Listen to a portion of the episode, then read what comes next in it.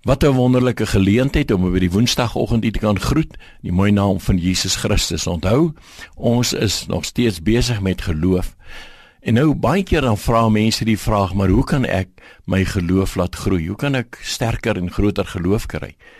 Nou Romeine 1 vers 17 sê, die regverdige sal uit die geloof lewe. Ander woorde, nie net geloof vir iets nie, maar 'n geloof as 'n leefwyse om in alles wat ek doen en alles wat ek mee besig is te weet dat ek die Here in my lewe het en dat ek op hom vertrou dat hy met my sal wees. Die Bybel leer vir ons dat die Here self gesê het hy sal ons nooit begewe en ons nooit verlaat nie.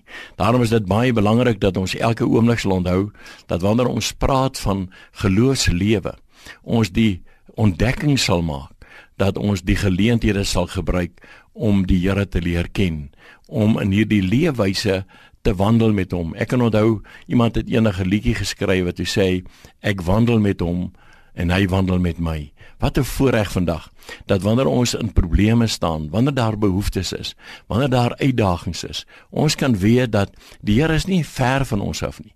Hy is so naby dat ons sy naam kan aanroep. Inteendeel die Here het self gesê, as julle my aanroep, sal ek julle uithelp. En ek dink vir ons as mense is dit belangrik dat wanneer ons deur geloof lewe of vanuit die geloof lewe, ons kan onthou ons nie nodig om net kerk toe te gaan om te glo nie. Ja, dis absoluut belangrik dat ons dit doen.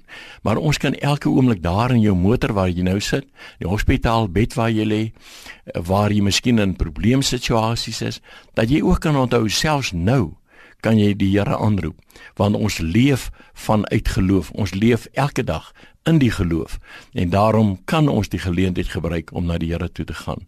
Mag dit nou so wees dat die Here ook vir jou in hierdie dag help, dat die Here vir jou voorsien dat die rykdom van sy groot genade en dat jy nie net geloof sal gebruik om vir iets te verkry nie, maar te sê Here, ek wil deur die geloof lewe. Vader, ons dank U daarvoor in die mooi naam van Jesus Christus. Amen.